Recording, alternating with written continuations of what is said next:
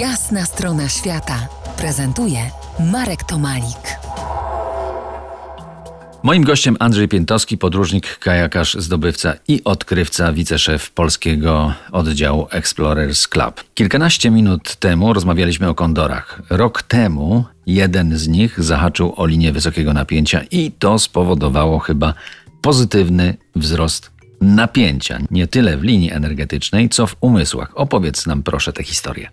No, akurat byłem świadkiem, bo byłem w budynku powiedzmy zarządu powiatu, gdzie jest biuro gubernatora. Zadzwonił telefon, no i nagle y, widzę, że y, robi się jakaś taka bieganina. Okazało się, że za, zadzwonił Indianin rolnik, zgłaszając, że gdzieś tam 30 kilometrów od tego miejsca, y, od, od stolicy powiatu, od Chivaj, że, że spadł kondor, ma złamane skrzydło. Jakoś udało się go nakryć czymś i przenieść do, do, do pomieszczeń, no i alarm alarmuje, co ma z tym robić. No natychmiast włączył się w to gubernator, później dowiedziałem się, zadzwonił do Arekipy, do stolicy województwa. E, tam uruchomiono uniwersytet, uruchomiono weterynarzy, e, zrobiono specjalną skrzynię, pojechał specjalny samochód, przywiózł kondora, po czym zawiózł go do, do, do Arekipy. W międzyczasie skontaktowano się z linią lotniczą i z kliniką już w stolicy, tysiąc kilometrów oddalonej od kanionu Kolka. Chcesz powiedzieć, no że, Kondor, że Kondor miał jeszcze większą przyjemność spotkania z jeszcze większym od siebie ptakiem z samolotem, tak?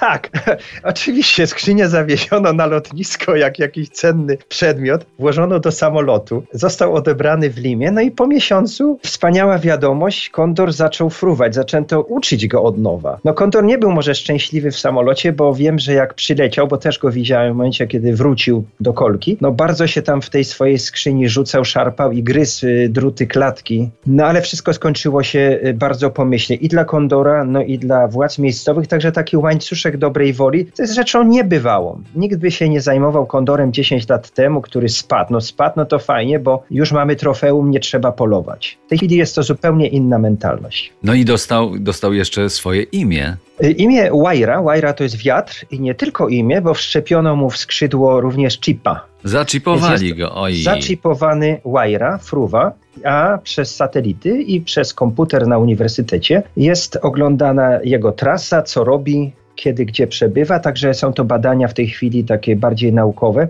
na temat kondorów, na temat rozpiętości ich lotów, bo wiemy, że latają nad sam Pacyfik, gdzie polują na młode foki. Także wszystko się naprawdę skończyło w sposób, którego nie byłbym w stanie przewidzieć. No i to jest też zasługa biznesu, że są pieniądze. Nie, taka ogólna uwaga, na świecie nie ochronimy świata, jeżeli będzie w tym biznesu, jeżeli nie, nie będzie to praca, jeżeli ludzie nie będą mieli w tym pracy. Samym gadaniem, samym recyklingiem, nie ochronimy naszej planety. Musi to być prawdziwa praca i każdy z nas musi być w to włączony. Za kilkanaście minut powrócimy z Andrzejem na wody górskich rzek w Andach południowego Peru. Zostańcie z nami w RMF Classic.